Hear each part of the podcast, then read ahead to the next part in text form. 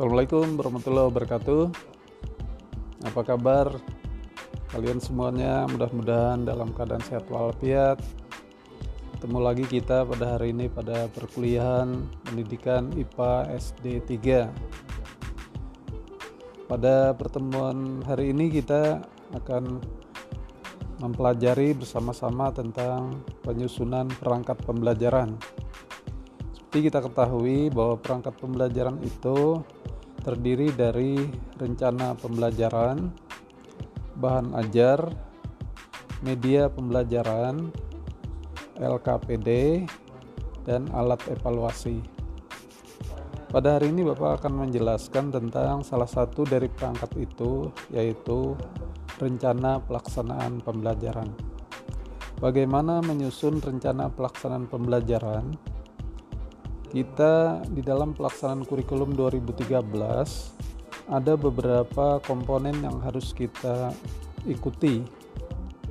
Yang nanti ketika kita menyusun perangkat tersebut akan kita jelaskan akan kita uraikan satu persatu.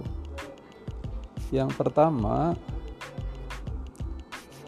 pertama kita harus terlebih dulu menuliskan identitas pada perangkat pembelajaran tersebut yang terdiri dari nama sekolah, tema, subtema, kemudian pembelajaran dan alokasi waktu itu antara lain adalah identitas dari perangkat kita.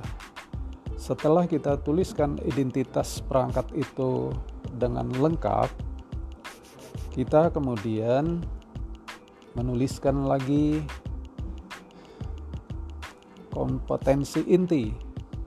Nah, untuk kompetensi inti itu kita tuliskan seluruhnya lengkap.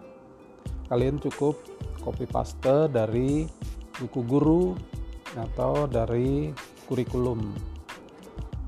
Kompetensi inti itu yang pertama adalah berisi tentang kemampuan yang terkait dengan aspek religiusitas atau kompetensi religius. Yang kedua adalah kompetensi sosial. Yang ketiga, kompetensi inti yang terkait dengan pengetahuan. Dan yang keempat adalah terkait dengan kompetensi sikap keterampilan ya, keterampilan kemudian setelah KI itu kita tuliskan kita lanjutkan dengan menjabarkannya ke rincian yang lebih berikutnya. Yang pertama kita tuliskan lagi adalah KADI atau kompetensi dasar. Ini kita ambil dari buku guru atau dari kurikulum Kompetensi dasar ini dapat juga kita lihat di jaringan pembelajaran pada buku guru.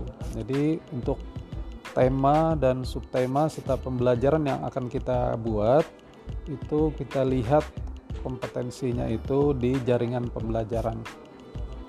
Biasanya jika ada tiga muatan, maka setiap muatan itu akan dapat kita temukan kompetensi dasar yang selalu berpasangan yaitu KD 3 dan KD 4 kompetensi dasar yang ketiga itu menyangkut tentang pengetahuan dan kompetensi dasar yang keempat itu terkait dengan keterampilan. Nah kemudian KD-KD itu harus kita analisis lebih dulu. Yang pertama kita cermati adalah kata-kata kerja yang terdapat pada kompetensi itu. Ketika kita melihat kata kerja yang ada di kompetensi dasar itu, kita akan tahu KD ini levelnya di dalam kognitif itu masuk level keberapa. Nah, itu akan memudahkan kita nanti di dalam kita merumuskan EPK. Itu yang pertama. Kemudian konten materinya juga ada di dalam kompetensi dasar itu itu nanti yang akan kita jabarkan ke dalam tujuan dan uraian materinya. baik setelah kita selesai menganalisis kompetensi dasar itu, kemudian barulah kita menuliskan EPK. Nah, dalam menulis EPK ini perlu kita ketahui ada tiga macam EPK yang dapat kita rumuskan di dalam menjabarkan kompetensi dasar ini. Yang pertama adalah indikator pencapaian kompetensi prasyarat. Nah, untuk indikator kompetensi prasyarat ini dapat kita turunkan manakala kompetensi yang akan kita capai pada kadi itu dirasa atau kita anggap sulit untuk dicapai oleh anak.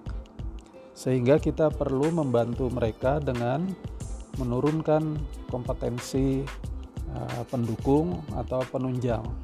Nah, kemudian yang kedua, kompetensi yang kita uh, dapat turunkan di EPK yang kedua adalah EPK reguler atau yang disebut juga EPK wajib atau juga dinamakan EPK kunci.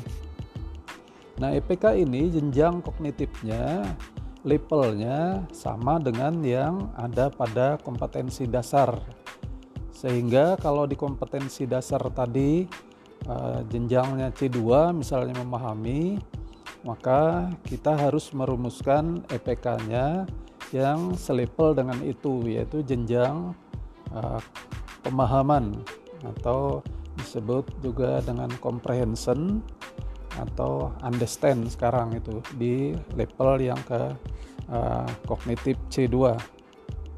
Kemudian karena tuntutan pembelajaran abad 21 di zaman sekarang ini menghendaki anak itu harus dilatih berpikir lebih kritis, lebih uh, kuat lagi berpikirnya, maka kompetensi itu harus kita tingkatkan kemampuan berpikirnya agar nanti RPP kita memiliki level 3 atau hot. Nah, untuk itu bisa kita turunkan EPK yang ketiga yang namanya adalah EPK pengayaan. Nah, untuk EPK pengayaan ini akan lebih baik kalau kalian merumuskannya mulai dari C4, C5 atau C6. Nah, itu akan menjawab tuntutan uh, sesuai dengan keterampilan belajar di abad 21.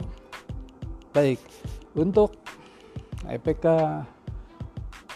uh, prasyarat dan EPK uh, pengayaan memang tidak harus kalian cantumkan. Jadi yang wajib secara nasional harus dicapai adalah EPK kunci atau reguler atau EPK uh, utama ya EPK kunci reguler atau EPK wajib nah baik itu tentang cara perumusan EPK selanjutnya EPK itu harus kalian kembangkan lagi menjadi tujuan pembelajaran tujuan pembelajaran harus disesuaikan atau ditulis berdasarkan EPK tadi Nah, tentu tujuan ini tidak sekedar sesuai tetapi juga harus memenuhi beberapa persyaratan.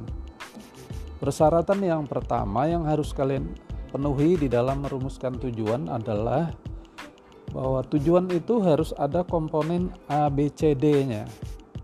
Jadi dalam satu rumusan tujuan harus ada komponen A atau audience, artinya peserta didik, B-nya behavior, yaitu perilaku atau tingkah laku yang akan kita ukur. C-nya adalah condition, yaitu situasi yang akan berubah setelah anak itu mengalami pembelajaran dan D-nya adalah degree, yaitu standar keberhasilan yang akan kita capai. Nah, itu harus ada di dalam satu rumusan tujuan. Dapat kita analisis nanti tujuannya berdasarkan komponen itu. Syarat lain dari perumusan tujuan itu adalah harus ada memuat proses bagaimana tujuan itu dicapai. Misalkan melalui kegiatan diskusi Nah, siswa dapat. Nah, berarti prosesnya adalah nanti di dalam pembelajaran mereka itu harus berdiskusi. Kemudian menggunakan kata-kata kerja yang terdapat di dalam KKO. Dan terakhir kalimatnya jangan terlalu panjang, tapi simple dan jelas. Nah, itu adalah uh, syarat dalam perumusan tujuan. Nah, sesudah tujuan itu kita rumuskan, kita bisa menuliskan secara singkat terlebih dulu uraian materinya. Kita tuliskan di RPP itu hanya pokok-pokoknya saja. Kalau RPP kita yang tematik tadi ada tiga muatan, misalkan ada IPA, ada Bahasa Indonesia, ada IPS, IPA-nya cukup dituliskan pokok materinya saja. Misalnya tentang energi. Nah, seperti itu sudah cukup. Nanti uraiannya akan kita kembangkan di bahan ajar, lebih detail. Setelah beri, kita menguraikan eh, materi pada setiap muatan tadi, selanjutnya yang tidak kalah penting adalah kita harus menuliskan strategi pembelajaran. Apa itu strategi? Nah, mungkin mahasiswa sudah sering mendengar kata taktik atau siasat. Nah, strategi itu tidak lain adalah taktik atau siasat yang ditempuh guru agar pembelajaran itu bisa mencapai tujuan dengan efektif. Nah, bagaimana caranya? Yang pertama, kita harus menggunakan pendekatan yang sesuai dengan tujuan kita. Nah, pendekatan yang disarankan itu banyak sekali, tapi hari ini Bapak hanya ingin menjelaskan dua macam saja dulu. Yang pertama adalah pendekatan TPAC atau TPACK dan yang kedua pendekatannya adalah scientific. Nah, dalam mengajarkan IPA nanti pendekatan TPAC ini sangat bagus diterapkan karena dia akan memadukan antara pemanfaatan teknologi di dalam pembelajaran dan guru juga harus mampu uh, terampil mengelola kelas uh, membimbing anak dengan pengertian lain itu adalah ilmu mendidik atau pedagogik ilmu mengajar harus dikuasai dan yang ketiga tentu saja kita harus mengajarkan materi yang baik dan benar atau konten knowledge-nya harus bagus Nah, kemudian pendekatan yang kedua, sebaiknya kita dalam mengajar IPA itu juga menggunakan pendekatan saintifik. Nah, saintifik yang kita maksudkan itu adalah yang menerapkan lima langkah yang kita singkat dengan M. Jadi ada 5M. Itu mulai dari mengamati, yaitu mengumpulkan informasi untuk mendapatkan atau memperoleh data yang kita perlukan yang kedua menanya. Nah, yang menanya ini hati-hati. Jangan guru yang menanya, tapi muridlah yang melakukan kegiatan bertanya itu. Nah, itulah yang strategi yang kita harapkan menanya. Kemudian menalar atau mengasosiasi. Kita harapkan anak setelah mengamati misalkan gambar yang kita berikan, mereka mau bertanya tentang gambar yang dia amati, kemudian menghubungkannya dengan konsep yang akan kita ajarkan. Kemudian akan lebih bagus kalau untuk membuktikan kebenaran jawaban atau pertanyaan mereka, mereka kita suruh mencoba. Jadi melakukan kegiatan percobaan.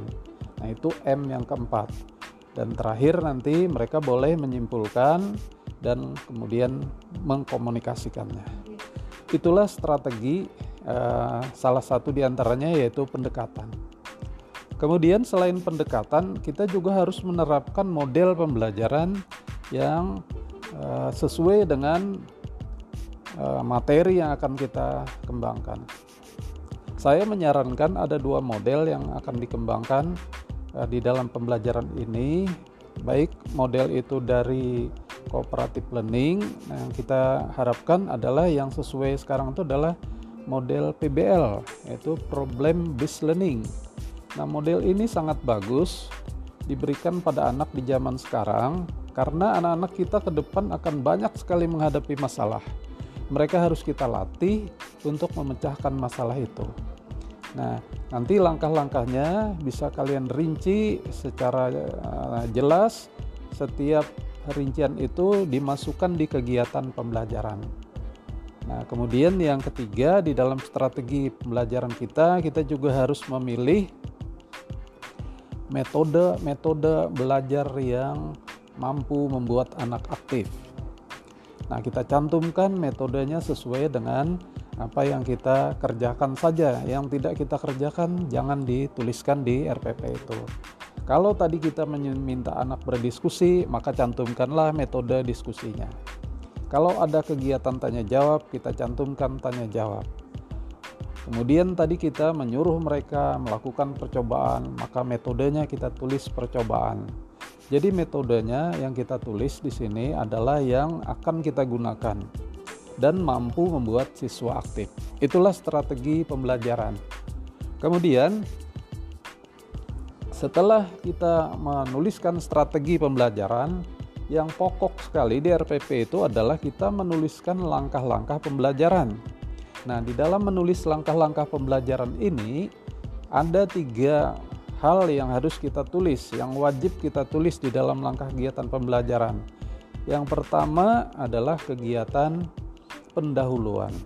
Yang kedua adalah kegiatan inti dan ketiga adalah kegiatan penutup.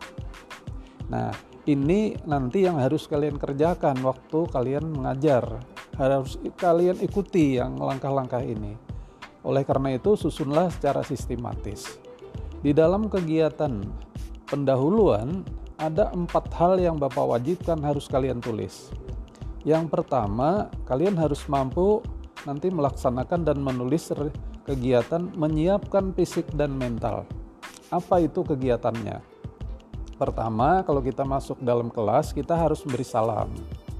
Kemudian menanyakan kehadiran mereka, siapa yang hadir, siapa yang tidak hadir harus diketahui oleh guru. Kemudian kita mengajak mereka berdoa. Setelah itu menyuruh mereka menyiapkan alat, menyuruh duduk rapi. Nah, semua itu adalah kegiatan menyiapkan fisik dan mental. Yang kedua, kita memberikan apersepsi. Dalam pembelajaran IPA bisa saja Eh, sama caranya dengan mata pelajaran lain ketika kita memberi persepsi. Tapi ada perbedaan-perbedaan. Dalam IPA itu kita memberi persepsi tidak hanya sekedar tanya jawab. Kita bisa bercerita ketika mengajar magnet, kita cerita tentang penemuan magnet. Kita bisa demonstrasi ketika kita akan mengajarkan tentang peristiwa alam, kita bisa memperlihatkan bagaimana proses gunung itu meletus, kita demonstrasikan, itu semua dapat menarik anak-anak kita untuk memperhatikan pembelajaran kita. Nah, itu adalah persepsi. Kemudian, yang ketiga yang wajib ditulis di dalam kegiatan pendahuluan adalah pemberian motivasi. Bagaimana cara memberi motivasi? Boleh kalian sampaikan tujuan, boleh kalian sampaikan manfaat. Dua hal ini penting mereka ketahui. Kemudian barulah kita sampaikan rencana pembelajaran kita. Itu di pendahuluan. Itu yang saya wajibkan. Kalau mau ditambah silahkan. Mengembangkan religiusitas. Di situ silahkan. Suruh mereka berdoa. Kemudian kalau kita mau mengembangkan nasionalisme, boleh kalian menyanyi kalau hari Senin lagu Indonesia Raya, kalau hari lainnya lagu-lagu nasional. Itu yang bisa kita tulis di RPP pada bagian pendahuluan. Selanjutnya, kegiatan inti. Apa yang harus kita tulis di sana? Yang harus kita tulis adalah langkah-langkah model yang sudah kita uh, pilih tadi. Kalau kita tadi memilih langkah model PBL, ada lima langkah yang harus kita jabarkan di dalam pembelajaran. Satu persatu kita rinci secara sistematis. Sehingga nanti ketika kita mengajar, kita cukup mengikuti langkah-langkah itu yang sudah kita rencanakan, maka pembelajaran akan berjalan mengalir dengan baik. Ya, mulai dari pemberian orientasi masalah sampai nanti kepada penilaian hasil yang kita capai, maka itu akan sangat menguntungkan sekali pada anak didik kita. Nah, kemudian yang terakhir di kegiatan pembelajaran itu adalah kegiatan penutup. Nah, Kegiatan penutup ini harus ditulis minimal empat macam ya. Tuliskan nanti di RPP kalian empat macam. Yang pertama adalah kesimpulan. Kesimpulan yang baik dilakukan oleh murid. Tapi kalau murid kita tidak mampu, berikan bimbingan. Jadi simpulan dibimbing oleh guru. Kemudian minimal gurulah yang menyimpulkan. Tidak boleh tidak ada kesimpulan. Nah, kemudian yang kedua, setelah pelajaran sudah mantap disimpulkan, baru laksanakan penilaian akhir pembelajaran. Nah, kemudian setelah itu yang wajib ditulis lagi adalah melakukan refleksi. Nah, bagaimana kita merefleksi hasil pembelajaran kita yang sudah dilakukan? Dan yang terakhir, yang keempat, memberi tindak lanjut. Bisa tugas, bisa juga pengayaan, eh, bisa juga remedial, itu tindak lanjutnya. Nah, setelah kegiatan pembelajaran kalian tuliskan, maka kemudian di RPP itu tuliskan juga sumber bahannya dari mana, ya minimal tiga sumber bahannya. Ada dari buku, kemudian boleh juga kalau IPA sumber bahannya itu dari lingkungan sekitar. Kemudian tuliskan juga alat dan bahan apa yang akan kalian gunakan. Dan terakhir adalah menuliskan evaluasi. Di RPP itu evaluasi yang ditulis hanya pedoman-pedomannya saja. Apa saja yang harus ditulis? Misalkan jenis tesnya, lisan, tertulis, atau perbuatan. Bentuk tesnya, tuliskan di situ. Jadi semuanya hanya rambu-rambu. Nanti penjabarannya ada pada bagian lampiran. Nah, itulah uh, penjelasan Bapak hari ini tentang penulisan perangkat pembelajaran yang pertama yaitu RPP. Bagaimana? Apakah dapat dipahami penjelasan singkat Bapak? Nah, nanti kalau ada yang tidak jelas, kalian boleh tanyakan. Akan kita diskusikan hal-hal yang barangkali belum kalian pahami dengan baik. Saya kira untuk pertemuan hari ini penjelasan Bapak tentang penyusunan perangkat pembelajaran cukup sampai di sini dulu. Tetap bersemangat. Terima kasih. Assalamualaikum warahmatullahi wabarakatuh.